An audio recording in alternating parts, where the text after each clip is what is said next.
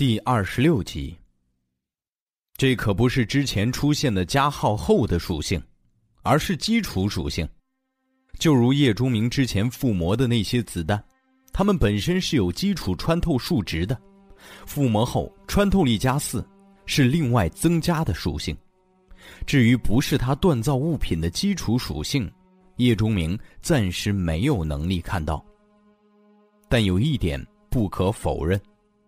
两块变异的树皮增加了两点的坚韧，铜质强化过的血蛇蜥爪子增加了四点的穿透，这些数值可都是很不错的，使得被附魔的装备强大到了另外一个层次。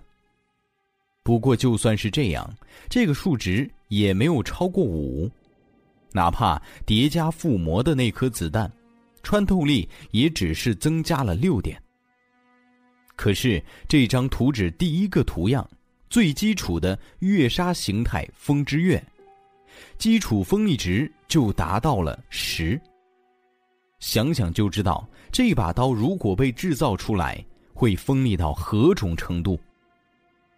图样的下面还有一小段说明，关于在锻造过程中加入其他特殊材料的问题。叶仲明看了看。其实和附魔或者铜质强化差不多，可以把一些融合率很好的材料加入一起锻造，这样会提高成品的品质，还有几率增加额外属性。有一点叶钟明注意到了，第一个图样是白色的，也就是说风之月是普通类白色级的武器。图样二。则变成了绿色级，这个颜色哪怕是仅仅看到图样，也让叶钟明心头一跳。绿色级别的武器啊，自己前世为了那把绿色的狙击枪付出了多少？叶钟明都不愿意去仔细回想。反正自己前世临死前几乎没有积蓄，十年末世赚取的财富都换成了净化药剂、职业。和晋升卷轴，以及那把绿色的狙击枪了。绿色级别的图样二，名称叫做五杀，除了锋锐属性增加到了十五之外，又多出了另外一条属性，基础坚韧十二，并且还出现了一个被动技能，沙场。这是一种在使用沙武的时候。会在自动在使用者周围两米方圆内出现在一个漂浮着沙粒的立场，在这个立场里战斗，使用者会获得少量的身体素质加成，敌人则会受到缓慢而微弱的持续性伤害。这个技能看得叶钟明眼睛亮了，沙场的被动效果虽然看上去并不怎么强。可在战斗中，哪怕是微弱的因素都会影响最后的结果。这个立场不仅可以影响敌人，还能够给自己增加综合素质，这影响可就大了。果然是已经迈入稀有级别的武器，威力真的很不错。不过，东西虽好，可要求也高。如果想要制造五杀，材料可就不是风之月要求那么简单了，除了必要的金属之外，还需要三种固定的材料：梧桐沙罗木、腐沙兽的心脏、紫墨胆。这几种东西叶钟明并不陌生。梧桐沙罗木是地球上一种变异植物，连通魔晶的一块木质结构；腐沙兽则是一种绝地怪兽。紫墨胆这东西相对于前两样有些难搞，是一种四级轮盘出产物，是给变异兽食用的一种食品，可以增加变异兽的生命力。由于末世开启之后，很多人都会拥有宠物，比如和平年代就一直圈养的动植物，这主要表现在狗的身手。这种动物的中心性子让变异狗。成了数量最多的宠物，其次就是一些拥有特殊职业、技能和装备的人，比如召唤师，比如驯兽师，比如技能、精神控制和召唤装备等等这些。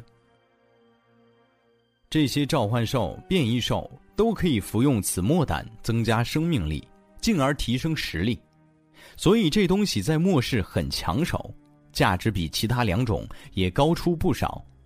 叶钟明倒是没想到，锻造月杀战刀竟然还需要这种东西。和图样一相同的是，在图样二的后面也有一小段解释，说明了可以添加的材料类型。目光挪到了图样三上，叶钟明不得不吹一声口哨，因为他看到了漂亮的紫色。月下沙场。图三，也就是战刀月杀的终极形态，竟然是一把珍稀类紫色级的武器。这种好东西在前世，叶崇明别说拥有，就是见过的次数都不多。他迫不及待的看向了这把武器的属性。锋利加二十，坚韧加二十五，流血加二十，三个超过二十的基础属性，光是这一点，这把刀就让人望而生畏。一把吹毛断发、韧性十足，还会让敌人不断处于负伤状态的武器，任谁也得说一句真好。并且相比于五杀。终极形态的战刀月杀还带有两个技能，一个是和五杀一样的被动技能沙场。看介绍，这个技能在终极形态明显威力比之前强上不少。让叶钟明兴奋的是多出的另外一个主动技能——沙暴龙卷。激活后沙场消失，转为数道沙暴龙卷风，威力和沙暴龙卷风数量成反比。攻击技能，叶钟明身体都直了直。突如其来的末世带来了灾难，也带来了多种多样数不清的神秘能力。但要说这种能力当中最让人向往的，无疑就是攻击技能了。在末世开始的五年之内，攻击技能价格一直居高不下。五年之后虽然有所回落，但也是最昂贵的交易品之一，这并不难理解。毕竟，人类想要进化，就要猎杀变异生命，获取魔晶，然后从轮盘上得到进化药剂。在这种情况下，可以提高猎杀效率的攻击技能价值自然不会低。特别是在没有主职业的时候，攻击技能就更显得弥足珍贵。并且，武器装备上主动技能本就少，如果幸运的拥有了一个主动技能，还是攻击技能，那这件装备被称之为极品装备，一点都不为过。那些史诗级或者传说级的东西为什么那么好？除了因为它们自身的属性强之外，还大多自带一些主动攻击技能，可以发挥装备除了基本职能之外的效果，能够在紫色级武器上拥有主动攻击技能。这说明月下沙场这把战刀的真正价值已经无限趋近于史诗级别。如果能够拿着这么一把战刀，叶钟明已经有些不敢想象了。可是当他看到制造这把战刀需要的材料时，叶钟明脑袋都大了三圈。必要的材料多达七种：千条荆棘枣枝，重甲鸟的羽毛。黑鸡蚕结晶、皎月血石、浓麻树枝干、地爪虫的腮腺和红巨魔的心脏。这些材料看得叶钟明牙齿发酸，因为这些东西里面很难搞到的有两种，非常难搞的有三种，极其难搞的有一种，剩下的一种，叶钟明压根儿没听说过。并且，制作月下沙场战刀需要的能源结晶是六级，并且需要十枚。打击还没完，整张图纸的最后一句话彻底击败了叶钟明。上面写着：“注意，锻造此装备可能会失败，失败率百分之五十。还能失败？又不需要掌握火候，又不需要熔炼，失败你妹啊！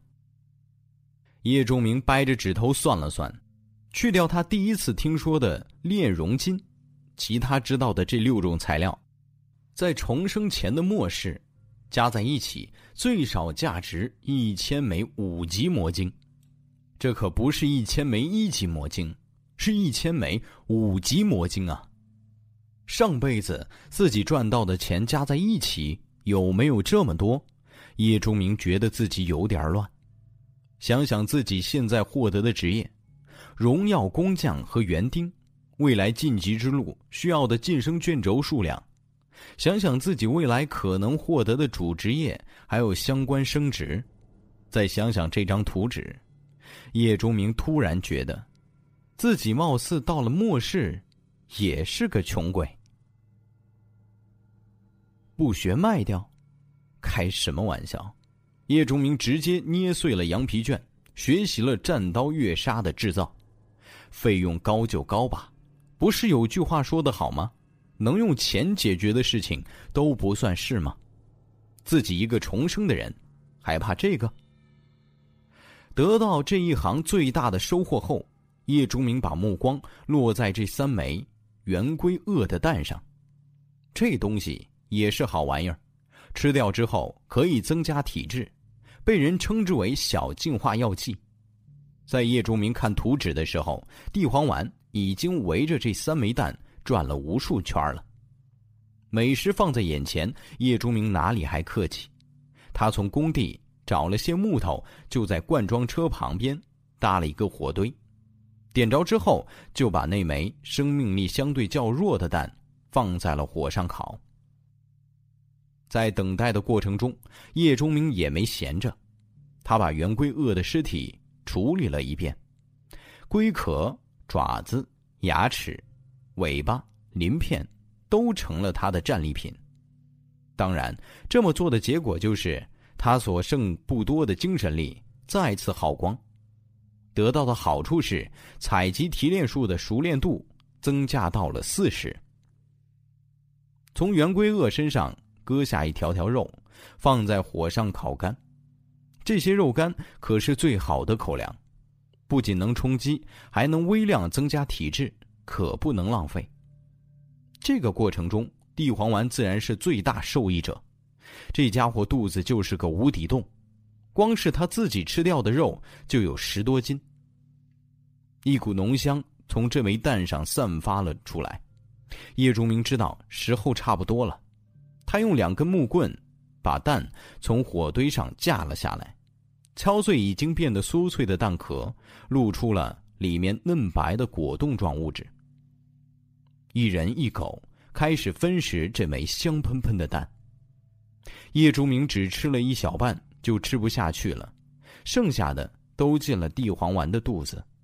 这家伙真是能吃，怪兽的蛋。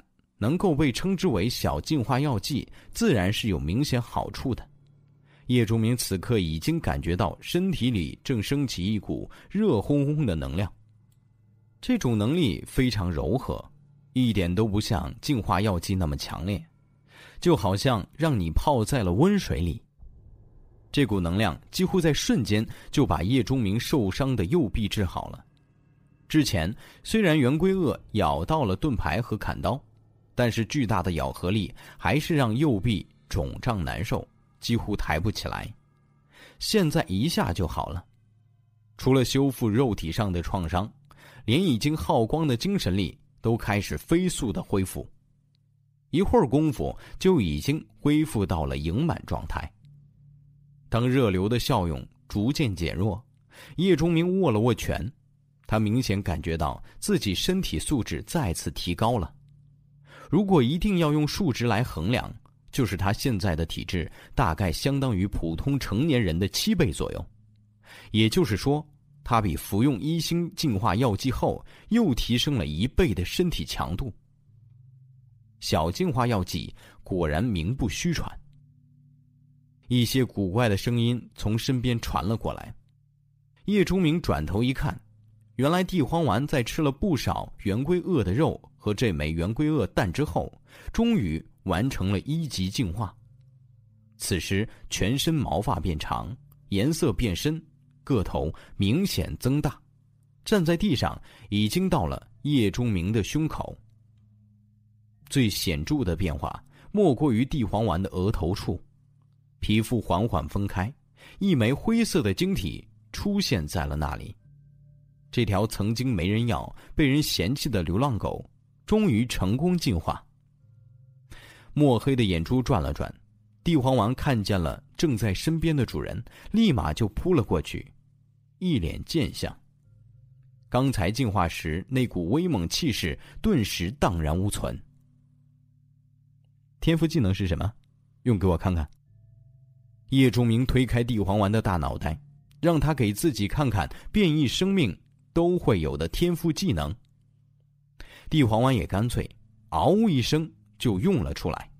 于是，一旁的叶钟明头顶立马飞过了一万多只变异乌鸦。地黄丸摇着尾巴看着自己的主人，一脸得意。叶钟明则看着这条秃毛狗。已经彻底无语。地黄丸的天赋技能竟然是毛发攻击，也就是把自己全身的狗毛全部射出去，给敌人造成伤害。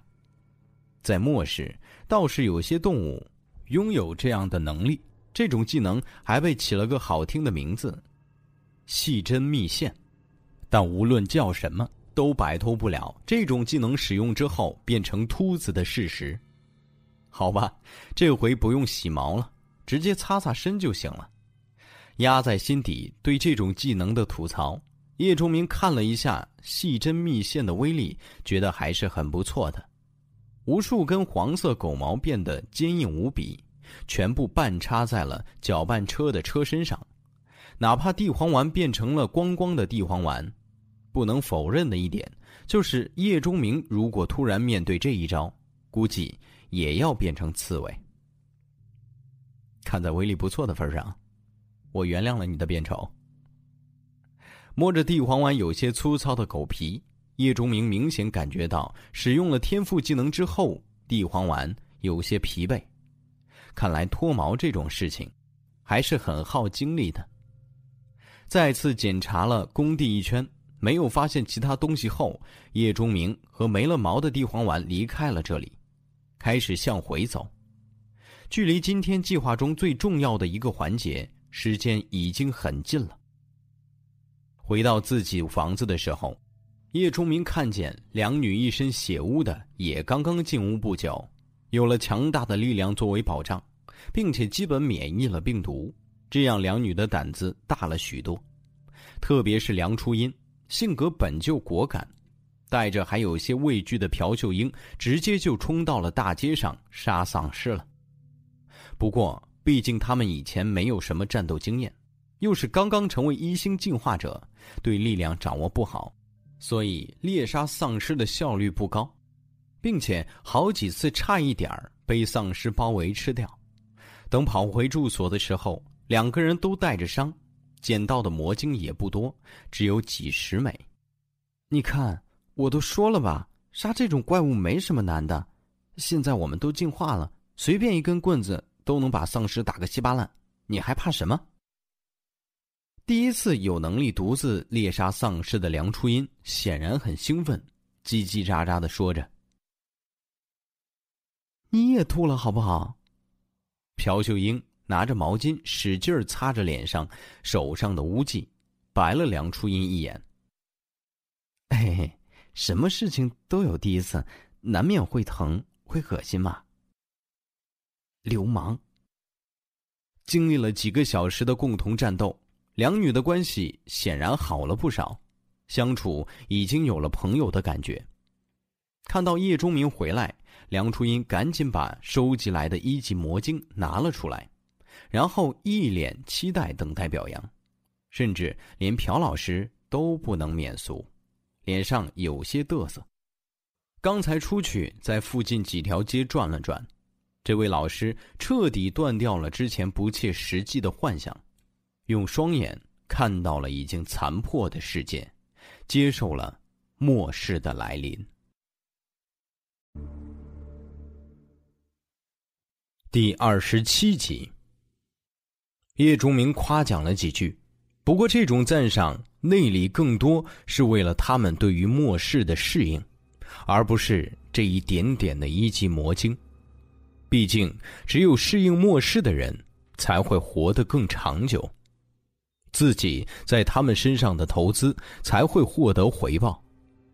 当然，看到没了毛的地黄丸，朴老师心疼的泪眼婆娑。至于梁初音，也有泪眼，不过。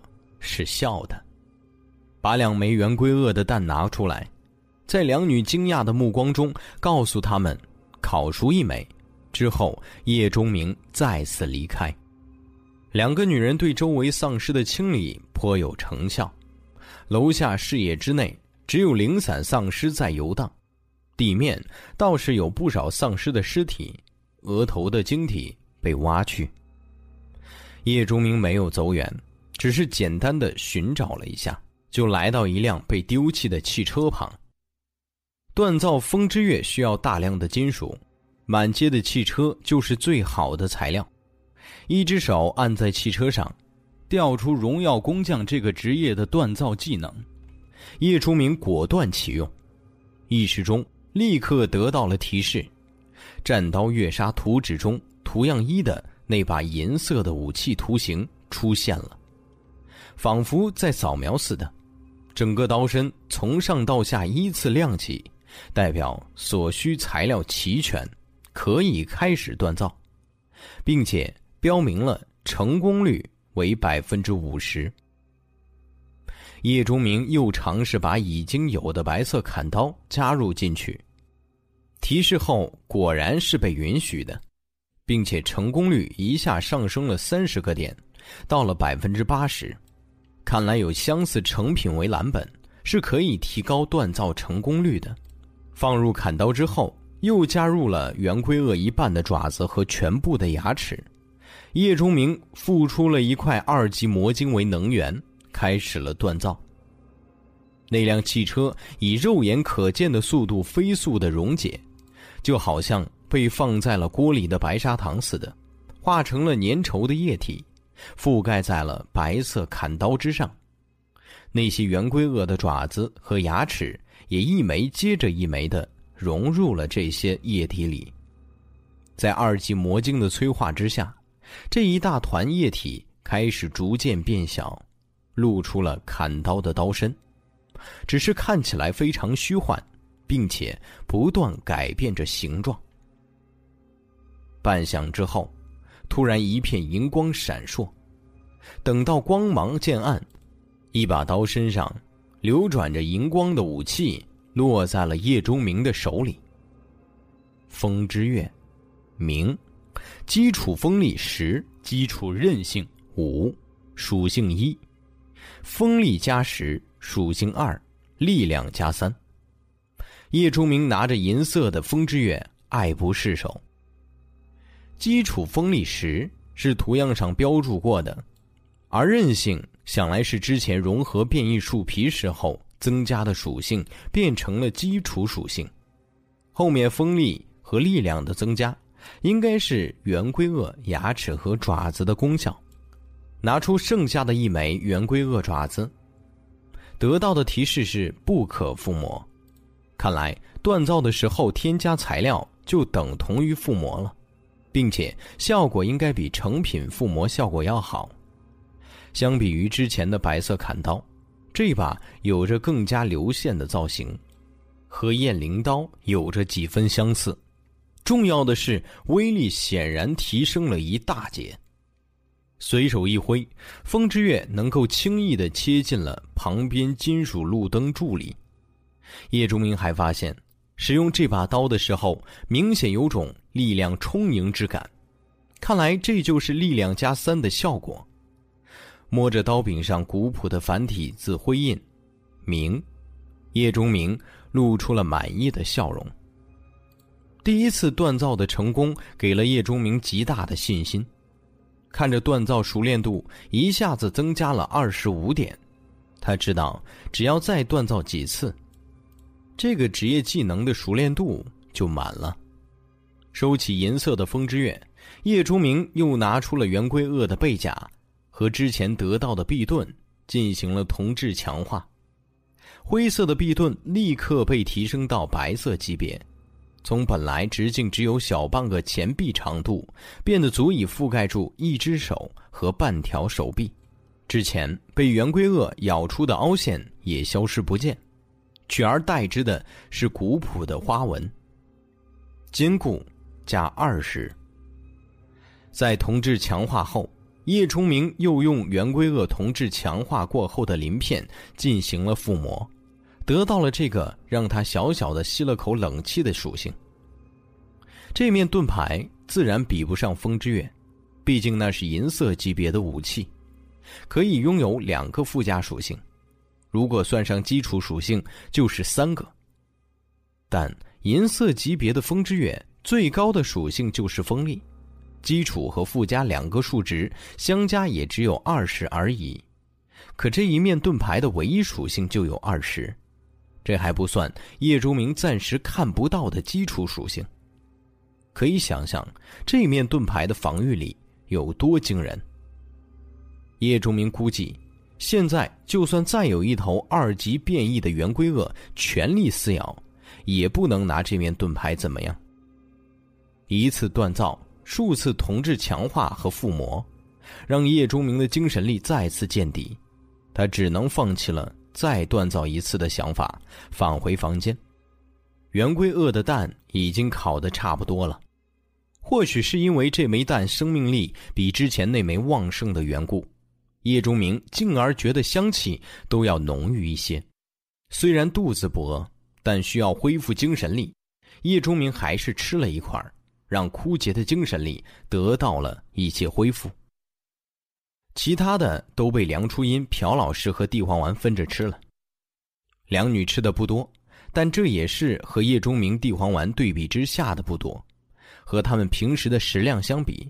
这已经让他们开始担心发胖的问题了，但是吃过之后，那种获取力量的效果让他们欲罢不能。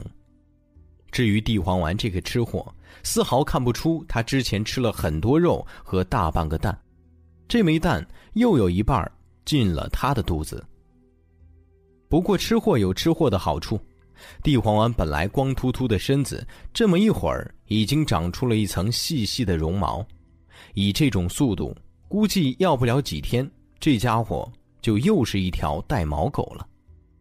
两女由于在一天之内就服用了改良后的强化药剂和小净化药剂怪兽的蛋，所以体内的力量有些沸腾，需要一些时间适应。利用这个空隙，叶钟明把变异柳条和圆规鳄的尾巴进行了同质强化。得到了一条两根手指粗细、三米左右的长鞭，鞭子的材质已经看不出来，非金非木，上面每隔一段时间就有一片细长的柳叶，摸上去就能感受到它锋利的边缘。之前叶钟明得到过两条血蛇系的舌头，和莫叶吃掉了一条，还剩下一条，他又把这条血蛇。附魔到了这条鞭子之上，得到了一个鞭笞加四的属性。这是什么？梁初音体质更好一些，率先醒了过来，看到有微弱白光流转的鞭子，便凑来过问：“试试看顺不顺手？如果顺手，就送你了。”梁初音面色一喜。其实他早就发现叶钟明的武器装备有些特殊，上面总有一些不太明显的光晕在晃动，应该是有什么特殊效果。特别是刚才叶钟明从外面回来，之前的刀不见了，反而多了一把更加漂亮的银色战刀，还有一面厚重古朴的白色壁盾，无一不证明了这个男人有着某些相关的特殊能力。但他识趣的没问。现在有这么一个带着光彩的武器就在眼前，他哪里还会管其他？试都没试，就连连说趁手趁手。当他在门外试验了一下之后，把走廊的墙壁打得沟沟壑壑。梁初音真正爱上了这条鞭子，谁要是和他抢，绝对是不共戴天的仇人。也难怪，梁初音把这条鞭子视若珍宝。他试验的时候，水泥墙壁根本就抵挡不住这鞭子的威力，并且梁初音发现，当他握住鞭柄的时候，好像能够和它融为一体，他可以自由的控制鞭身上的柳叶，不需要的时候可以让它们贴合在鞭身上，需要的时候就可以让它们竖立起来，用它们的锋利尖锐攻击敌人。本就有着一些体操基础的梁初音，顿时感觉这武器就像为他量身定做的一样。梁初音闹出这么大动静，朴秀英早已经醒来，看到自己这位刚刚交好的朋友有了这么一把好武器，也替他高兴，同时也有些羡慕。谁都知道，在处处危险的末世，能够拥有这么一把武器，对生命就多出了一份保障。但想想和这个男人的关系，朴老师根本没抱希望。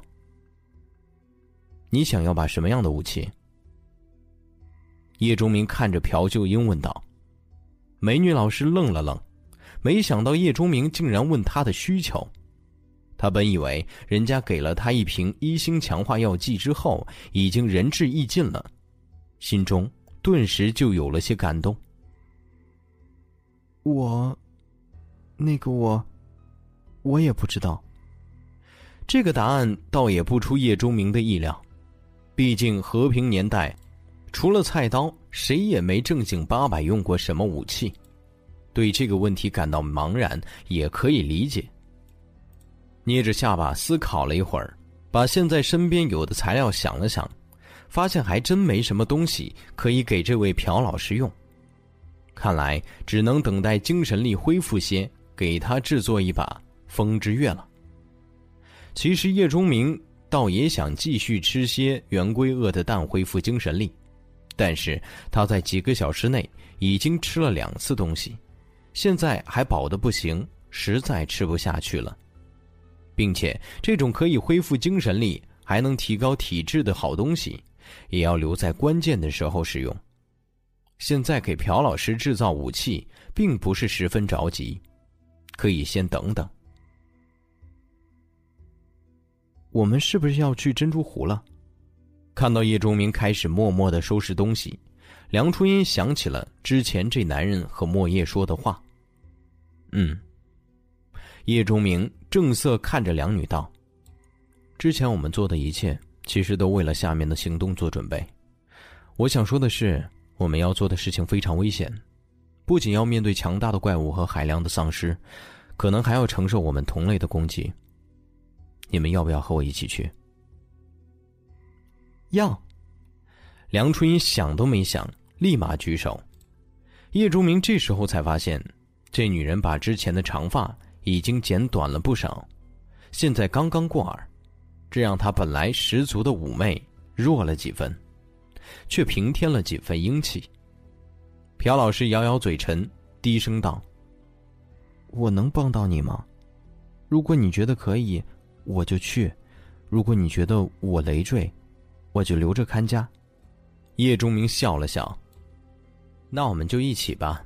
刚才我只说了可能要面对危险，还没说如果成功我们的所得。”两女头抬头，目光炯炯的看着叶钟明，想知道会得到什么神奇的东西。很多，很强，足够我们成为这座城市最强大的存在之一。红海公司的大厅里，几乎被穿着迷彩服的士兵占满，黑洞洞的枪口虽然只是垂向地面，但金属杀气带来的压迫感却让全场的人有些透不过气。李书俊微仰着头，或许这样可以更好的让他保持心中的坚持。李总，该说的话我都说了，你考虑了一会儿，意下如何？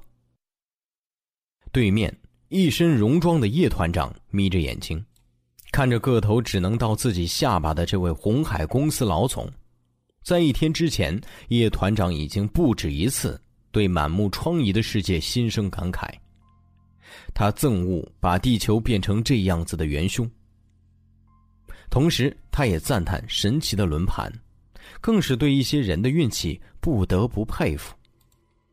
就比如眼前这位李总，一个轮盘就出现在了红海公司的大楼里，让这里的人第一时间知道了轮盘的存在和用法，并且红海这家以物流起家，逐渐涉及到搬家公司、土建工程、路桥建设等多方面的大型企业，在末世开始的时候，正在举行公司成立八周年的庆典，公司的员工和家属。几乎都集中在了公司总部大楼，等待着乘坐大巴去庆典举办的酒店。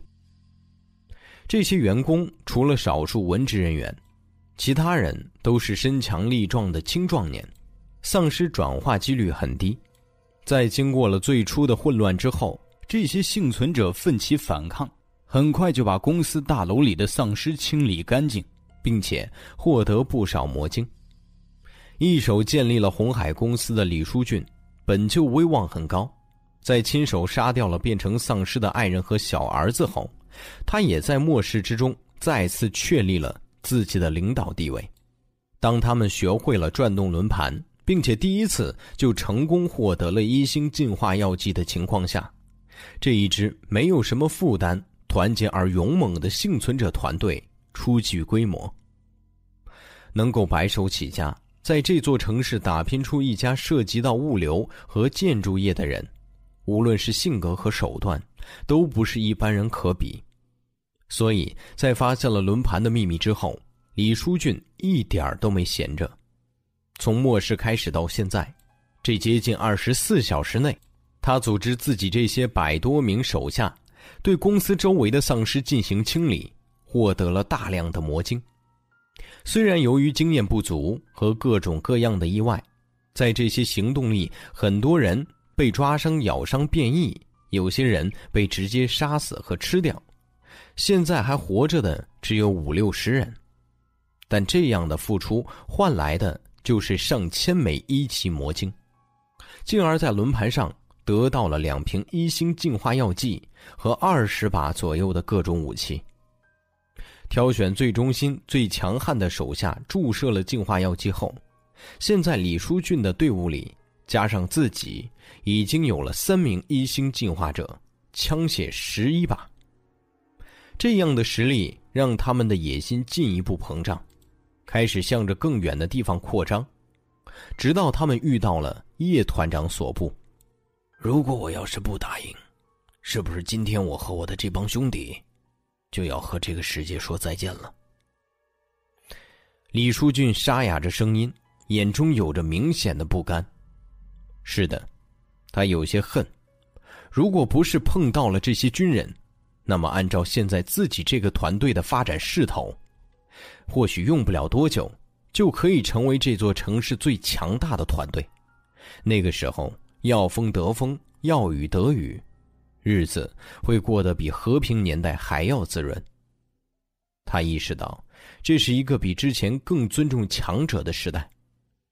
恰恰李书俊一直认为自己就是强者。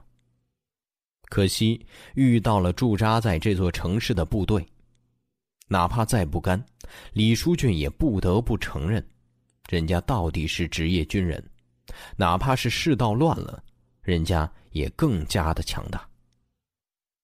想想也正常，这些军人有着普通人无法比拟的优势，他们有极佳的纪律性，一切听从指挥，有完善的指挥系统，有高效率的后勤保障。他们是职业军人，身体素质极佳，异变率很小，并且最重要的一点是，他们手中有武器，很先进的武器。在发现了丧尸的弱点之后。他们可以面对数量多出他们几倍的丧尸，理所当然，他们是末世开始后最先强大起来的一波人。第二十八集，看看人群中这些士兵，散发着进化者气息的足有五六位之多，其中还包括了一个个头不高却身材壮硕的年轻军人。李书俊觉得，自己这个一星进化者在这名军人的气势下是那么渺小。他心中不禁暗暗猜测：这名军人不会已经进化到了二星的级别吗？虽然不是国与国之间的争端，但同样是战争。战争中，所有人都要无偿配合国家的行动，这是每个公民应尽的义务，包括李总你，还有这里的所有人。叶团长细长的眼睛在大厅里扫了一圈，没管其他人不好的脸色，继续沉声道：“更何况，现在加入行动，你们也不会白忙活，在战斗结束后，你们会得到应得的奖励。”这一点我可以保证，就算你们不相信我，也要相信我身上这身衣服。说完，他重新把目光落在了李书俊身上。李总，如果你一定要我回答之前你问的问题，那么我可以明确回答你：是的，如果你们不加入我们的行动，那么对不起。我们绝对不允许任何可能影响到我们计划的意外出现。一旦发现，必须消灭。掷地有声的话语仿佛宣言一般，在大厅中回响。没人能说什么，也没人敢说什么。或许这一次行动过后，李总就能成为和我一样强大的人，何乐而不为？那个给了李书俊巨大压力的年轻军人突然开口说话，露出了一口雪白的牙齿。“你好，我叫王丁。”年轻军人伸出了手，“以后我们多多亲近。”李书俊看了看叶团长，缓缓伸出了自己的手。“这里有什么特别吗？”梁初音一边组装着一部先进的望远镜，一边问旁边在尽可能多恢复一些精神力的叶钟明：“角度好，可以看到很多东西。你想看什么？”朴老师在感受到叶钟明和梁初音对他的接受之后，态度也随意了一些，不再像以前那么畏首畏尾。叶钟明的目光掠过一个街区。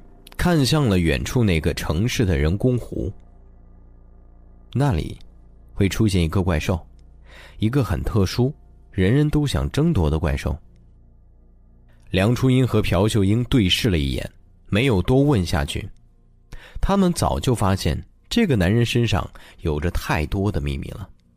他面对危险的冷静和应对，面对丧尸的沉着和狠辣，面对同类的木然和不信任。这些都让他在充满了魅力的同时，也多出了浓厚的神秘感。很多事情，两女都觉得叶钟明就仿佛未卜先知似的。只是任他们想破头，也绝想不到面前这个男人已经两世为人了。叶钟明看着珍珠湖，脑海里却是回忆着前一世亲眼所见的画面。上辈子，叶钟明是把家里的吃喝都耗光了之后，才壮着胆子走出了家门。之后开始了他的进化之路，但其实在这之前，他也是出过一次门的。是的，仅仅是出了门。在末世第一天，他就想找到白诗诗，幻想着在危险的时候保护她，给她安全。可。没等他走出小区几米，就发现远处爆出了一片耀眼的光芒。之后片刻，一声听起来给人一种亘古悠远的号角声响了起来。就在叶钟明不明所以的时候，他发现附近所有吃人的怪物疯了一般，向着刚才闪光和号角声的方向奔去，甚至很多被困在室内的丧尸。直接撞破了玻璃，从十几层楼跃下。虽然绝大多数都摔得粉身碎骨，但是依然阻止不了他们这种自杀的行为。当初的叶仲明被吓得连滚带爬跑了回来，无数丧尸张牙舞爪冲着他而去的画面，让他几天几夜都没有睡好。只要一合眼，脑海里就全是经历过的那些恐怖景象，哪怕是睡着了，也马上会被噩梦惊醒。现在的他，鄙视当初懦弱的自己。不过，潜意识叶钟明逃回自己的小屋后，站在窗前，他看到了让他终生难忘的一幕：高楼坍塌，枪炮齐飞，狮群疯狂，一个又一个的怪兽从那个小小的人工湖里走出，被成建制的军人攻击，被幸存者团队攻击。被变异生物攻击，同时军人攻击着狮群，变异生物攻击着人类，幸存者互相攻击。那数十米高的怪兽，那黄昏下枪炮画出的火线，那即便是离得远远，也能感觉到那里的血肉横飞。这些都给叶钟明留下了难以磨灭的记忆。那种比美国科幻大片中要真实一万倍的场景，让叶钟明真切体验到了外面世界的恐怖，也让他彻底失去了走出去的勇气，窝在了小屋里很久很久，直到他在生命的威逼之下走到了外面的世界，直到他开始进化，也敢于直面血腥的世界。直到他深入了解了轮盘这样神奇的恩赐，他才渐渐从一些幸存者嘴里得知了今天的事情。珍珠湖的水里被发现了有一个奇怪的轮盘，和其他轮盘不同，这个轮盘上面没有任何选项，只有一个金元宝的图案。转动这个轮盘所需要的只是一枚魔晶，是的，一枚。一级魔晶，但神奇的是，用一枚魔晶激活了这个轮盘之后，并不会马上出现奖励，而是会如同秘境那般，转动之人得到一个提示，要经过困难而危险的考验之后，才会获得巨大的收获，并开始十小时倒计时。这个无意中发现了秘密的人，把这个消息扩散了出去。因为轮盘提示，这属于一个高难度任务，建议团队完成。如果仅仅是这样，那还不会让人怎么样。偏偏在这个轮盘给出的提示中，还列举了奖励的一部分：进化药剂、银色级别武器、职业卷轴、神秘配方。是的，这仅仅是一部分。这让很多还沉浸在初始轮盘神奇的人都疯狂了。幸存者们成群结队的来到这里，去在争夺可能出现的极品奖励，想要在末世里变得强大。尝到了轮盘赐予力量神奇滋味的人们，仿佛看到了让人上瘾的毒品一样趋之若鹜，甚至还吸引到了军方的势力。对于如何增强力量，普通人可能会停留在狩猎、转动轮盘、进化这样的阶段，但对于职业军人来说，那意味着一份份作战计划，意味着全方位、立体的现代化战争。这是在末世初期无法弥补的差距。在叶钟明的印象中，直到末世后两年，由于人类的进化水平已经到了一个阶段。人们已经完全适应了在末世之中生存，加上军队内部的一些变化，从那个时候起，个人的武装势力才全面超越和平年代国家的暴力机关的势力。不过，在后来最顶尖的几大势力之中，组织的一些势力依然出类拔萃。由于有了军队的参与，人类和怪兽狮群们一直鏖战。那是一场持续了半夜的混战，叶竹明记得，枪炮声、吼叫声，还有各种光芒，直到清晨时分才彻底消失。至于那一战的结果，没人说得清。当年参战的势力，要么在战斗中覆灭了，要么不知所踪，要么强大到叶钟明无法触及的层面，答案也就烟消云散，或者深藏心底。但有一点可以肯定，那一战很多人、很多势力获得了很多，从此走上了强者之路。叶钟明可以确定的就是，那个已经被他捷足先登的守卫怪兽圆规鳄，前世击杀他的人，就是这次行动中一战成名，直到后来成为九星强者的。结果不清楚，可收获却很多人都知道。那些在其他轮盘上费尽心思也不一定得到的好东西，在这一次大量出现。身边两女的动静把叶钟明从回忆中拉回现实。他从兜里掏出了两枚二级魔晶。他曾经一同得到过四块二级魔晶，有铁臂丧尸的，两只血蛇蜥的，还有圆规鳄的。转动三彩轮盘用掉了一个，锻造风之月用掉了一个，手中还有两枚。他不再犹豫，捏碎了手中的二级魔晶，转化成了自己的精神力。他要战前保持最佳状态。装好的望远镜里出现了一只幸存者团队的影子，目标正是珍珠湖，夺宝大战因此。也正式拉开了帷幕。水里的轮盘后来被人们称之为聚宝盘，激活之后十个小时后，会出现一头长相有些萌、背着金色袋子的小小怪兽，人们叫它怪兽宝贝。它除了跑得快之外，没有什么实力，甚至一个技能都不会。可它有一件装备，让他成为了几乎无敌的存在——呼唤号角。直到多年以后，叶钟明亲自遇到了一个怪物宝贝，他才深深的体会到了这个小东西的可怕。对于任何人，它都是一场梦魇。可是现在的人们对此还一无所知。叶钟明知道今天会死很多人，但他没有去阻止的想法。人类依然要明白风险和收益之间的正比关系。在末世依然正确，并且这种正确是鲜血淋漓的。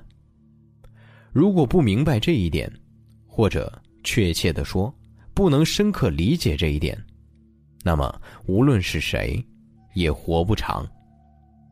叶如明没有义务去提醒自己的同类，因为他自己同样要冒很大的危险，甚至更大的危险。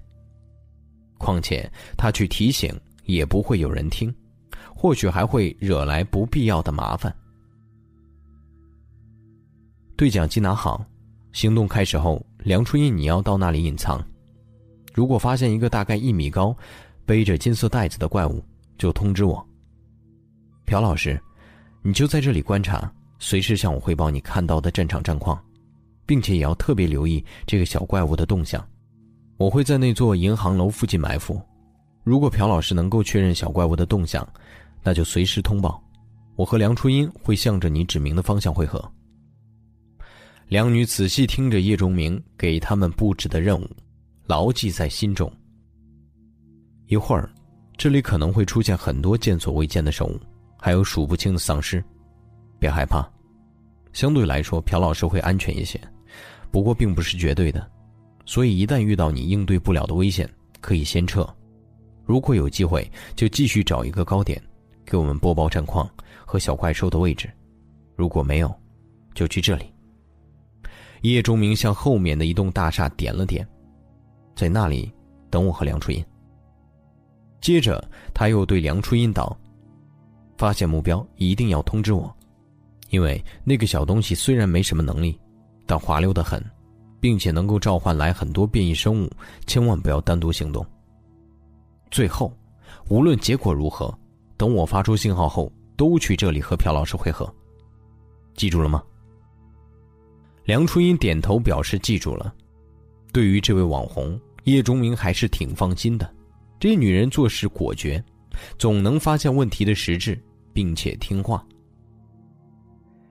这一次会很危险，你们都要做好心理准备。要是想退出，也来得及。两女摇摇头，神情郑重，却没有退缩的意思。没有丝毫征兆的，突然在珍珠湖的湖面亮起了巨大的光芒，把太阳光都盖了过去，让三个人不得不眯上眼睛。接着，那条街道的尽头响起了履带车的轰鸣，随着这阵轰鸣，悠远的号角声在附近开始回荡。声音在空气中传出去老远，大半个区都能听到。聚宝盘已经激活，怪物宝贝正式出现。走，叶钟明吐出了这个字后，当先冲了出去。这个城市有三个区，其中珍珠湖所在的平安区并不是面积最大的，这里有大学城，有广场，有公园。是这座城市风景最好的区。末世开始的时候，相对来说，这里丧尸的侵扰最低。不过，这里变异生物的数量却是三区之首。在那声悠远的号角之后，许多在高层中的幸存者都看到了令人震撼的一幕：各种变得古古怪怪的生物，从想不到的地方和角落里钻出，疯狂地奔向了珍珠湖的方向。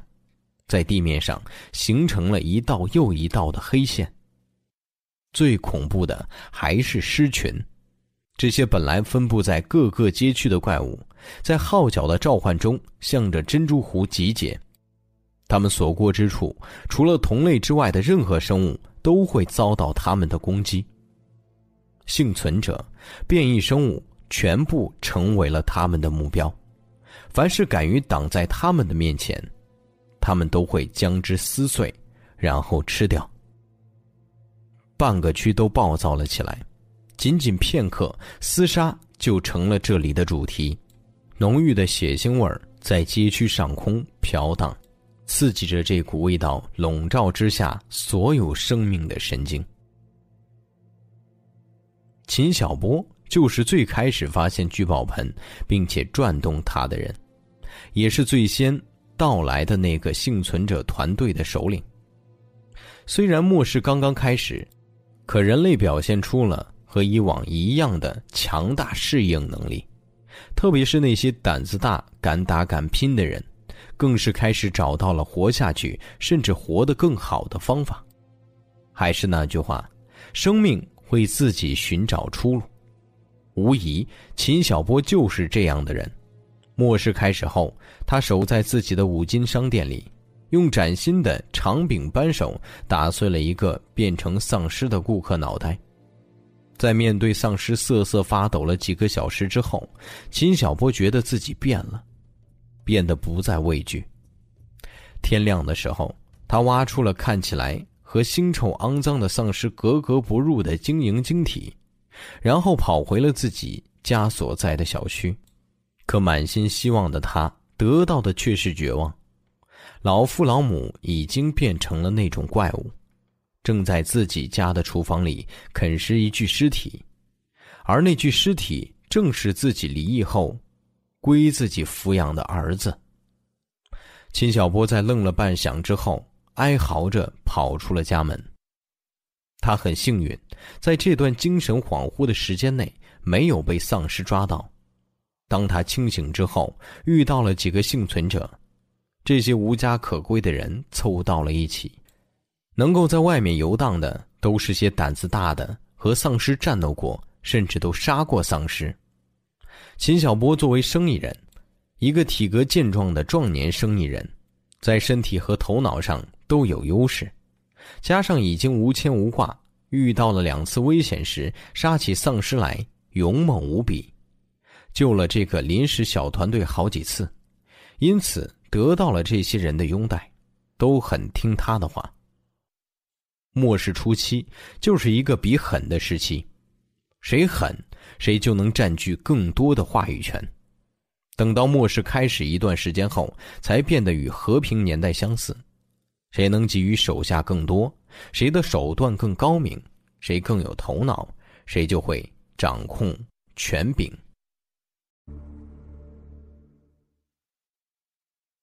第二十九集。十个小时前，秦小波带着人在附近找水，可是超市、商店都被大量丧尸占据着，他们不敢惹。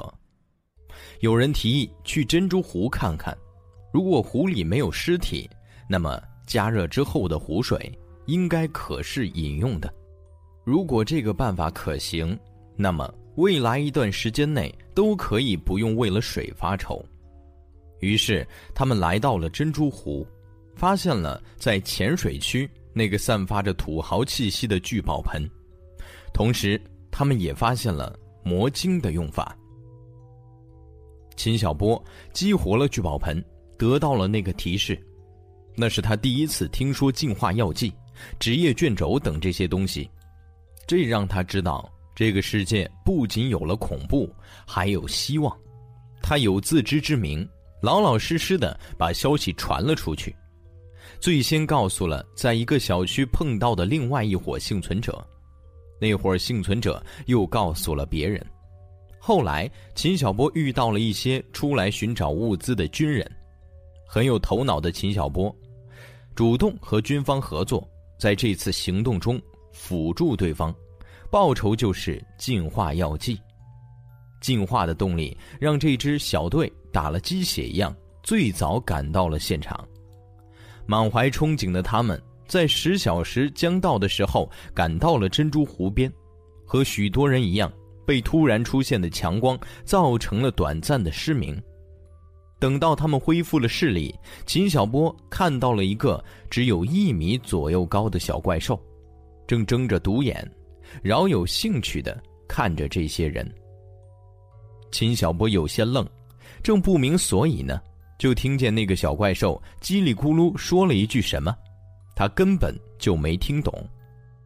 之后，那个有些呆萌的小怪兽。脸上出现了不满意的神情，从腰间拿起挂着的一个青色号角，呜呜地吹了起来。这个时候，秦小波才发现，这个小怪兽的身后背着一个金色的鼓囊囊的袋子。叶团长丢下望远镜，脸色明显不太好。有情况。站在一边的参谋马上把刚刚汇总回来的情况报告给了自己的首长。以我方为原点，两点钟方向发现李书俊部，已经到达指定位置；十点钟方向发现胡多海部，已经到达指定位置；五点钟方向二营就位；七点钟方向刘局长所部就位。除此之外，秦小波部消失在十二点方向，目前完全失去联系。九点钟方向、四点钟方向还有正后方都发现不明势力。人数从十几人到几百人不等。建银大厦和三通街交汇处、南五纬街方向、亮亮超市方向都发现大量变异生命，正在飞速向我部靠近。还有，还有什么？叶团长目光一凝，看向了这位一直跟着自己从著名军校毕业的优秀军人。参谋咬咬牙：“我们正在被丧尸包围。”叶团长呵呵一笑：“只要还在这个城市中，本就身处丧尸包围之中，不是吗？”团长，我的意思是，是正有大量的丧尸从四面八方向我们围聚过来。如果我们不能在十分钟内撤退，将会陷入苦战。如果耽搁时间超过半个小时，我们可能，可能就再也冲不出去了。这么说，我们只有半个小时的时间，去解开这个谜底喽。年轻的参谋点点头，抿着嘴唇不再说话，手指在天窗上有韵律的敲了敲。叶团长眼中闪过决绝，他一把扯下耳朵上的蓝牙步话机，以一星进化者的超强能力，一跃就跃到了车顶，扯开嗓子喊道：“兄弟们，我可能把你们带入到了一座死人墓当中。”在这里集结的一营和三营的战士纷纷回首。看向了自己的团长，在那边，那边还有那边，正有数不清的怪兽朝着我们逼来。如果我们现在不撤退，可能就会死在这里。听到这句话，周围战士们笔挺的站姿有些松动。死亡这个字眼，在最近这二十四个小时内，已经无数次听到、见到，可是当落在自己身上的时候。还是让他们出现了一丝动摇。我知道，你们中的很多人都在担心远方的家人，都在对前途感到迷茫，对未来觉得彷徨，不知道还待在这里，还穿着这身衣服是为了什么。我也一样，和你们一样。叶团长的声音转而低沉了一些。在我的家乡，我的老父老母不知道如何了，我的妻儿不知道是否平安。我的亲族不知道有没有命在，我也担心。很多人被团长的这句话引起了共鸣，眼圈有些发红。但是，叶团长突然抓住了自己的衣领，抖动着问下面一个个战士喊：“这些就是我们放弃的理由吗？这些就是我们摒弃自己信念的原因吗？你们告诉我，我们。”会变成这样吗？下面一张张年轻的脸上出现了不同程度的挣扎，战士们也在思考，他们也在判断。反正我不会。叶团长拍着胸脯，我担心我的家人，但我也同样看到了这个世界的巨变，看到了我们的同类变成了吃人的怪兽。看到了那个该死的如同毒品一样的转盘，看到了超越我们想象的进化方式，就和那些游戏一样。叶团长开始大吼，脸色都因此涨红。我有种被戏耍的感觉，你们呢？我感觉自己成了玩具，成了棋子，供人取乐。我担心我的家人。我想去寻找他们，但我知道鲁莽是行不通的。我可能还没有走出这座城市，就被这些怪兽吃的只剩下骨头。到时候我的亲人还活着有什么用？我自己都死了。所以我要留着命，变强，然后朝着自己的家乡进发，去看看我的亲人怎么样了。活着，我流泪拥抱他们；死了，我亲手埋葬他们。活着，我用我的命去保护他们；死了，我就为他们好好的活着。我的军人生涯让我知道，想要达成这个目标，不能只依靠我个人，要依靠这个集体。这是在我们穿上这身衣服的时候就知道的道理。难道世道一乱，我们就忘记了，就要头脑充血的去外面送死？不，我不会这么做。我也绝不允许我手下的兵这么做。我要最大程度的保证你们活着，活着，听到了吗？听到了。下面士兵被叶团长的真情流露和那股舍我其谁的气势感染，大吼着回道：“我们是军人，是为了战争而生，而现在就是战争。我们要变强。”变得比这些怪物强，变得比这个世道强，这样才不愧我们军人的名声和荣誉。反正，我即便是要死，也穿着这身衣服死，也带着这个已经被砸得稀巴烂的世界最后的荣耀去死。荣耀，属于我们，属于我们，属于我们。巨大的喊声让时间都停止了似的，士兵已经完全放弃了之前的杂念，统一了思想。是啊，现在说什么都没有用，变强，不死，然后才能谈其他。个人和集体能够发挥出的力量对比，这些士兵们是最清楚的，他们也是最愿意相信集体的人。现在。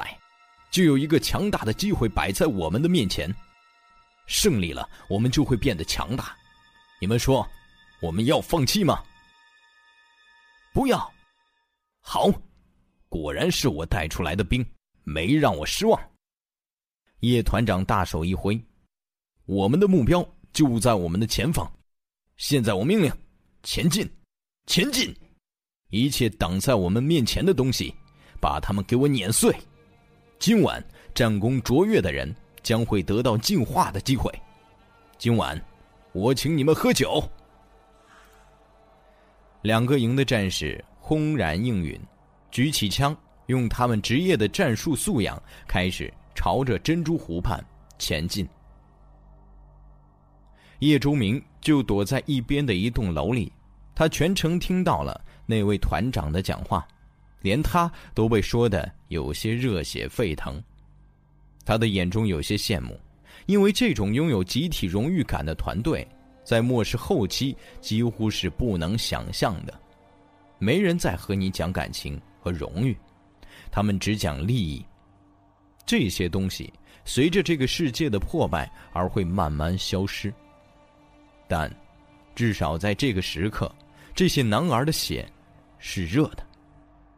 或许他们的目的和自己没有什么区别，或许有人觉得他们可笑，可这股无畏的气势和发自真心的团结，任何人都要钦佩。我们可以不去认同，但必须要去尊重。祝你们好运。叶钟明默默的祝福了这些汉子们一声。滋，巨大的电流声出现在了不远处，驱散了叶钟明身上好不容易出现的英雄情节。他抬眼望去，湖畔那里，一个巨大的黑洞正在缓缓成型。叶钟明看着黑洞的目光，出现了一丝迷醉。他嗅到了从黑洞中散发出来的熟悉味道，很不好闻，带着股腐臭的气息。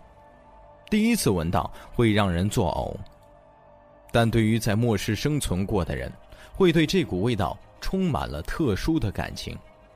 这是绝地的味道。末世开始的时候，从天而降的不仅仅是轮盘。还是成千上万个金色圣光轰击后留下的绝地，那里满是非地球生物，那里怪兽横行，那里有着让整个人类都感到绝望的强横存在，那里也有各种奇异花草，也有珍稀矿物，那里可以找到所知的全部宝物。幸存者进入绝地，九死一生，那里就是一个又一个的绞肉机。是一个又一个的生命坟场，让所有人谈之色变。如果你能活着出来，你就会得到远超你想象的好处。有人曾经开玩笑说，在末世就不缺少两样东西：一个随时可以脱光衣服的女人；二是绝地中走出的强者。由此可见，从绝地中可以获得多少好处。叶钟明前世也算是一个从绝地走出来的人，但和真正强者相比，他的绝地之旅从来不是主角，甚至连配角都不算，就是个跑龙套的。可就是跑了几次龙套，让他获得人生中的第一个职业，获得了人生中的第一张晋升卷轴，获得了人生中大半的财富。那么那些配角甚至主角们？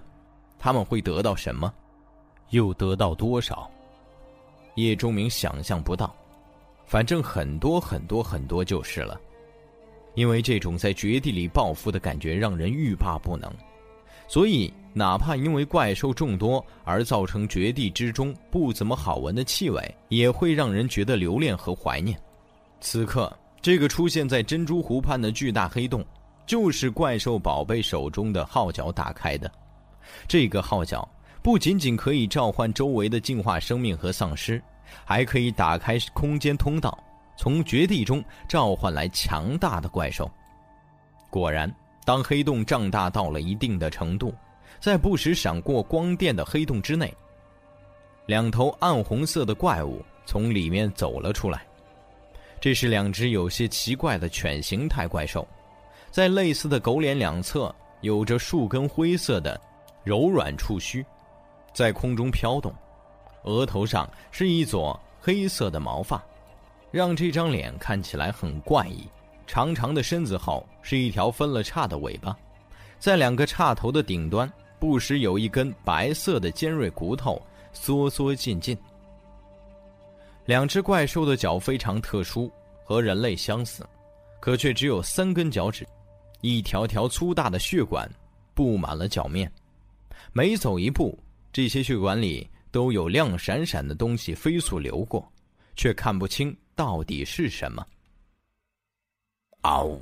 我，两只怪物嘴里发出含混的叫声，好像在交流为什么会突然出现在这里。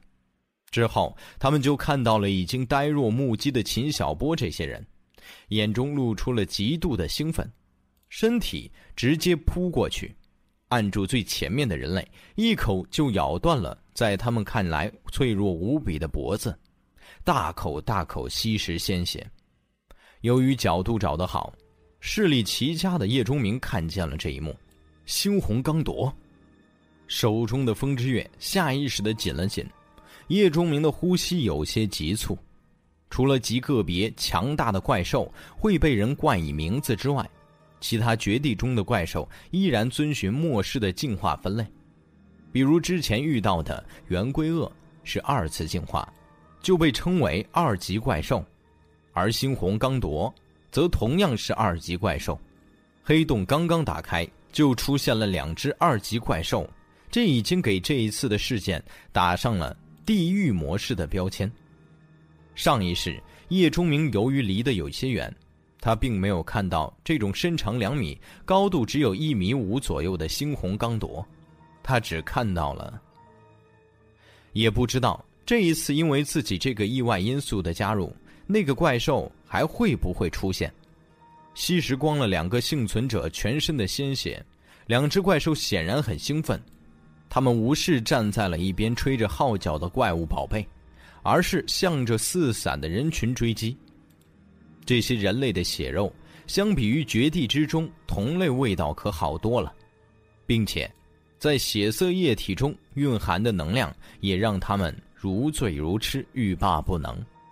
平时，他们这些二级的怪兽可没有能力打破绝地的壁垒，出现在外面的世界中。这一次。他们要饱餐一顿。两只猩红刚铎刚刚离开，黑洞之中就有一对巨大的黑脚出现。这一对近乎弯曲了一整圈的脚，每一个都足有一张饭桌那么大。接着，一个同样巨大、如同汽车似的脑袋出现了，还有后面和大象一样的山岳身躯。这个两层楼高的怪兽叫孔羊。因为把这家伙缩小十几倍后，和山羊外形相似，但从前面那个“孔”字就看得出人类对它的怨念。这家伙非但不是和山羊一样的草食动物，还是个嗜血如命的恶魔。他皮糙肉厚，行动敏捷，两只脚无比坚固。孔羊奔跑起来，速度如同地球上的超级跑车全力飞驰。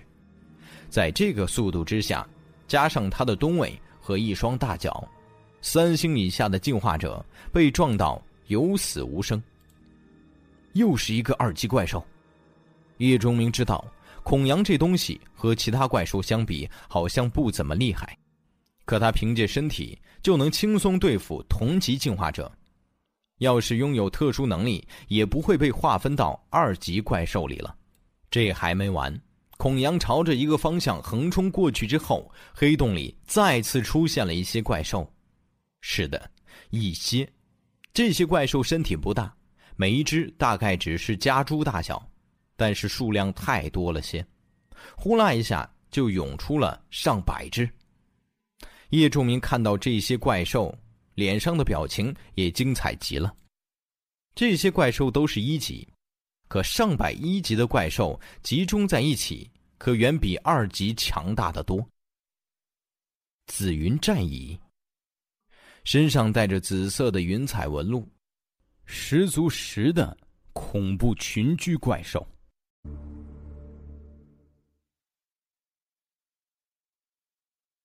第三十集，叶钟明开始猜测，这个怪物宝贝连通的绝地到底是什么级别。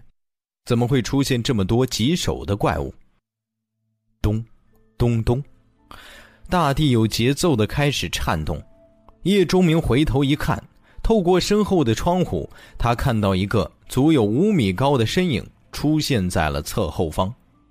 一身灰黑色的皮肤，身上不着寸缕，手里提着一根巨大的钢柱，正呲着一口獠牙，朝着战场逼近。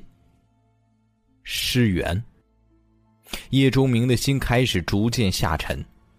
尸源不是怪兽，是丧尸，三级丧尸。叶钟明从来不知道，在末世开始才仅仅一天一夜的时间里，怎么就会有三级的丧尸存在？这进化速度是不是太逆天了一些？丧尸的进化和人类不同，人类要依靠进化药剂。想要进化药剂，就要转动对应的末日轮盘。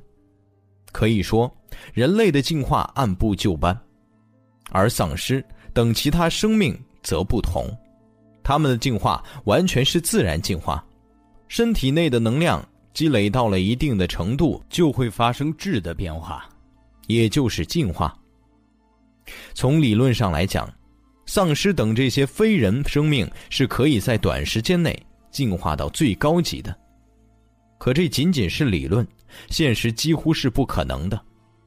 打个比方说，从普通丧尸进化到一级丧尸，如果只需要吃掉一个人的血肉和脑子，那么想要进化到二级，可能就需要十个；而从二级丧尸到三级，可能就需要一千个。这不是简单的加减法。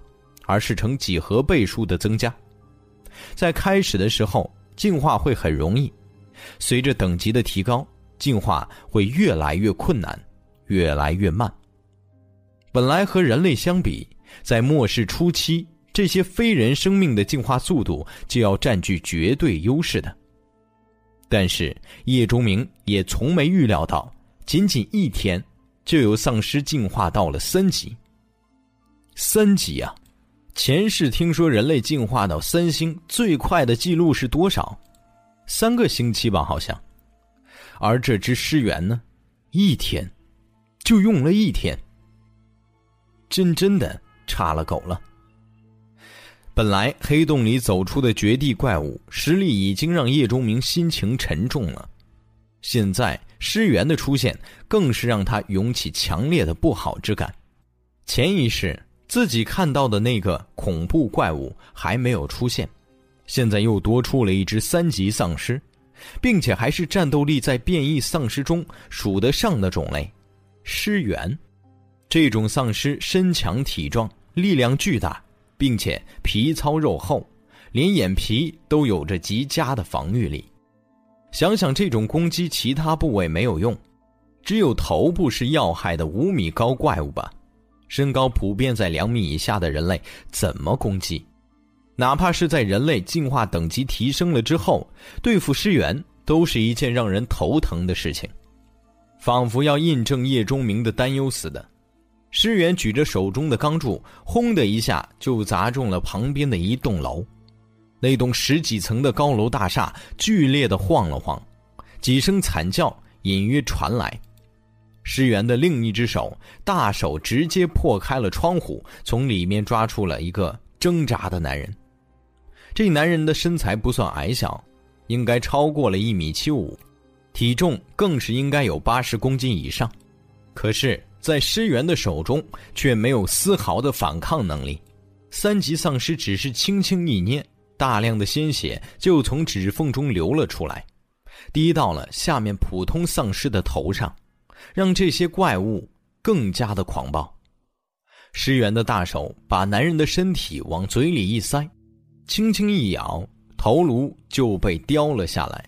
大嘴一张一合，一些分不清什么颜色的粘稠液体从他的嘴角流出，顺着他的下巴淌到了身上，让他看起来更加残忍和恶心。这还没完。或许是人类的新鲜刺激到了尸源的食欲，他把钢柱往地上一插，两只手就开始揉捏男人的尸体，三两下，尸体就被蹂躏成了一个肉球。尸源大嘴一张，直接扔到了嘴里咀嚼。叶钟明这种在末世活过的人，看到这种场面都感觉身体发麻，胃部发酸。其他看到这种场景的幸存者，很多人直接崩溃了。军队这面或许还好一些，其他由普通人刚刚组成的小团队，很多直接四散奔逃了。极度血腥的视觉冲击已经超过了很多人的承受底线。这，这是什么？李书俊的一个手下双腿发颤，一股尿意牢牢占据了他的全部感觉，就差那么一点儿就尿了。他是最早跟着李书俊打天下的人，最开始守着一辆破车跑运输的时候，他和李书俊还有一帮兄弟没少和其他人抢生意。打架斗殴是家常便饭，甚至隔三差五还要动动刀子。他本以为自己连血都见过了，已经没什么害怕的了。可是刚才那头巨大的怪物把一个人生吞活剥的画面，让他从灵魂里感到颤抖。李书俊脸色不好，他觉得自己很强大了，不仅有着一帮实力出色的手下，自己还是一星进化者。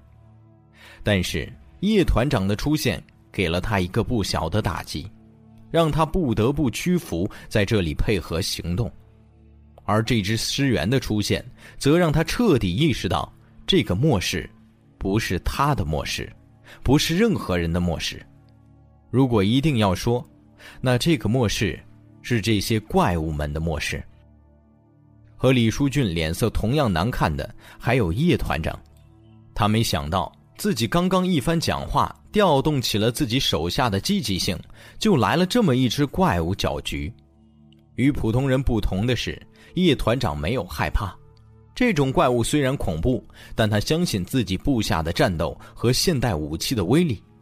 他更在意的是，这只怪物对周围普通丧尸的影响力。尸源仿佛能够控制周围没有进化的同类似的，尸群在跟随着他的脚步。如果叶钟明在叶团长身边，那么他一定会告诉这位团长，高等丧尸对低等丧尸是有威压存在的，这种威压在绝大多数的情况下都可以转化成为有效控制，并且丧尸之间也极少互相残杀，在这一点上，丧尸做的远比怪兽要好。叶团长面色凝重，他清楚。一群散乱的丧尸和一群有组织的丧尸区别有多大？前者他可以对付，可后者……命令刘局长和二营无论如何都要守好我们的后背，不惜一切代价。叶团长咬着牙命令：“还有，命令王丁他们，必要的时候可以提前执行斩首计划，目标就是这头怪兽。”是，参谋大吼了一声。红着眼睛下去传递命令了。叶，呃。朴秀英在对讲机的另一侧不断的呕吐，连整句话都说不完整。刚才尸源吃人的那么一幕，让这位老师根本控制不住情绪，只给叶钟明提供了几条信息，就开始呕吐不止。梁初音那边也有些异样的声音传来，显然他同样不适，只是。在强忍着，叶竹明没有怪两女，而是从他们只言片语中分析现在外面的情况。他是来浑水摸鱼的，可是现在看这种情况下，人类幸存者很可能在极短的时间内溃败。他不得不考虑见好就收了。朴老师，怪物宝贝现在在哪儿？还在湖边散步呢。朴秀英擦着嘴，一边用望远镜观察，一边用对讲机回答：“孔阳呢？”叶钟明已经告诉了两女这怪物的名字，在你左前方信贷公司大楼后。叶钟明站了起来，从一侧的窗户直接跳到了窗外，一边朝着信贷公司大楼方向飞速移动，一边对着朴秀英道：“随时告诉我孔阳的位置。”同时注意周围的动静，有异常就立刻喊。梁初音向我靠拢。莫叶摸着手中的老旧步枪，站在角落里有些发愣。小叶，怎么了？回来之后就魂不守舍的。旁边一个四十左右的中年男人端着一把自动步枪，目光在前面一群由远处正在逐渐接近的变异老鼠身上来回流动，神情虽然轻松，但握着枪的手却异常苍白。任谁面对数百只狂奔着的小猫大小的老鼠都会紧张。莫叶轻咳了两声，摇摇头道：“没什么，只是这些大老鼠太恶心了。”中年男人一笑。我还以为你被那只大怪物吓倒了呢。莫姐怎么会害怕？他有一次面对六个拿着匕首的壮汉都不怕，把他们全撂倒了。有个很年轻的小伙子没心没肺的笑着，脸上还带着未褪尽的青春痘印。那是莫队是谁？全省武警系统女子搏击冠军，自由组前五。一个壮汉转过头看着毛头小子，笑着道：“前五什么概念？知道吗？”就是说，在全省的男武警当中，只有四个牲口比莫队厉害，其他人见到莫队都得跪。这番对话让屋子里的这支五人小队本来绷紧的神经轻松了不少，本来紧张的气氛也被缓解。默默的射击也很厉害哦。说话的是这个五人小队里另外一个女性，一个年纪大约在三十出头的少妇。虽然穿着迷彩服，蹬着长筒战靴，但那只属于成熟女人的珠圆玉刃还是遮挡不住，迷人的风韵扑面而来。说起长相，这个少妇和莫叶略微有些差距，但她成熟的风情和顾盼间的风姿，却完全弥补了这个差距。甚至在武警部门这群男性牲口的 YY 中，这位少妇还要稳压莫叶一头。占据着武警部队第一女神的宝座，但如果你把她看成柔弱的女人，那就大错特错了。她曾经在一线工作了八年，执行了几百个大大小小的任务，一直保持着百分百的完成率。这个几率至今没人打破过，只有莫叶最为接近。她的百分之百完成度已经有四年，距离这位姐姐还有不小的差距。只是后来，这位女武警嫁作人妇，转了文职，境界少了一个传奇，多了一个风情万种的后勤官。蕾蕾姐，你笑话我？谁不知道我们部射击十二项记录，你保持了八项？哎，可姐好久没拿枪了，老了，打不动手枪了。三个男人听了，嘿嘿直笑。除了说这句话的夏雷。只有莫叶一个人脸红了，这个连男朋友都没有交过的队长，每次都禁不住这种隐晦的玩笑。这五人小队是临时凑齐的，本来莫叶有自己的手下，可末世开始能够回到总部的人不多，小队八个人，也只有那个毛头小子和壮汉归莫叶管。那位中年人曾经是莫叶在学校的教官。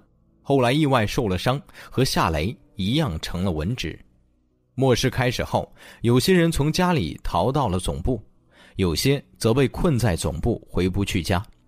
这位中年人和莫叶一样，都是从家里回到总部的。不过和莫叶的亲人都不在这座城市不同的是，这位中年人已经失去了全部亲人。小伙，你笑什么？人家成龙就一个人，自己吃饱了全家不饿。你可是有老父老母的，就不担心他吗？程泽轻轻踢了一边的毛头小子一脚，笑骂道：“担心什么？程处，你是不知道我爸妈是什么样的人，身体倍儿好，脑子倍儿灵。他们现在肯定躲起来了，等我回去找他们呢。等我成了进化者，我就回去，不着急。”果然没心没肺。张雷瞪了小虎一眼。那张白皙水嫩的、有些不像话的脸上，有着不易察觉的担忧。他就是被困在总部回不去家的人，依靠个人力量，在这座城市是寸步难行的。除非你成了进化者，所以夏雷和小虎一样，都打着成为进化者之后再回家的主意。没事的，小雷，小秦他们那里是政府部门，地处刚开放不久的新区，楼多人少，丧尸也就少。况且装甲营离他们不远，肯定是第一时间去守卫那里的。张磊一笑，对程泽这位中年人表示感谢。其实程泽所说的正是他现在不怎么着急的原因。末世开始后，在通讯未断的时候，她和自己的丈夫联系过，爱人没事，没有变成丧尸，也知道他们当时正困守在政府小区里，并且装甲营已经朝着他们出发，现在应该早已经被列入到了保护之中。倒是小叶你，为什么和咱们总头说要离开？几个人的目光一下子都在程泽的话音后落在了莫叶的脸上。我，莫叶的脑海里出现了叶钟明挺拔刚毅的身影，临别时自己的承诺又一次记了起来。他觉得那个男人一定就在附近。可莫叶刚想回自己的教官，他们负责的射击点前面那些变异老鼠就突然加速，开始朝着他们的防线袭来。后面的走廊里顿时就响起了巨大的命令声：“开火，绝不能让他们突破我们的防线！”一时间，枪声连成了一片，也打断了莫叶的解释。几个人虽然不是一个小队的，但每个人都很厉害，相互之间也懂得配合。密集的火力网让他们屋子前面的鼠群为之一空。这些一级的变异老鼠。暂时还无法抵挡人类经过几百年发展变迁的热武器。这栋楼里的其他房间也回荡着巨大的枪声。远远望去，整栋楼仿佛成一个喷射火线的怪兽，让它周围的狮群和变异生物成片成片的倒下。这些以警察和武警为主体组成的侧后方防御阵地，刚一开火，就表现出了比其他幸存者小队强太多的实力。无论是丧尸还是变异生命，都无法逾越他们的防线。可悲剧也恰恰因为这个原因，在叶团长和二营这些主力部队没有大规模开火之前，这里的攻击是最强的，声势也是最大的，这吸引了师员的注意。巨大的身体一转，手中的钢柱朝着这个方向一指，在他的咆哮声中，无数尸群就朝着这栋楼扑了过来。而尸源紧随其后。可恶，把那大家伙吸引过来了。莫叶这里的五个人脸色都不太好。壮汉成龙一边骂着，一边一边调准枪口，开始朝着尸源射击。这一百多米的距离正好在射程之内。和成龙有着同样想法的人不在少数，他们都清楚，要是让师源到了楼下。几棍子就能把他们都砸扁，可无数的子弹倾泻在师源身上之后，却只能打出一点点的白色痕迹，根本就破不了防。他的大手还在眼前护着，头部防御的死死的。一时间，这些警察和武警竟然拿这家伙没有丝毫办法。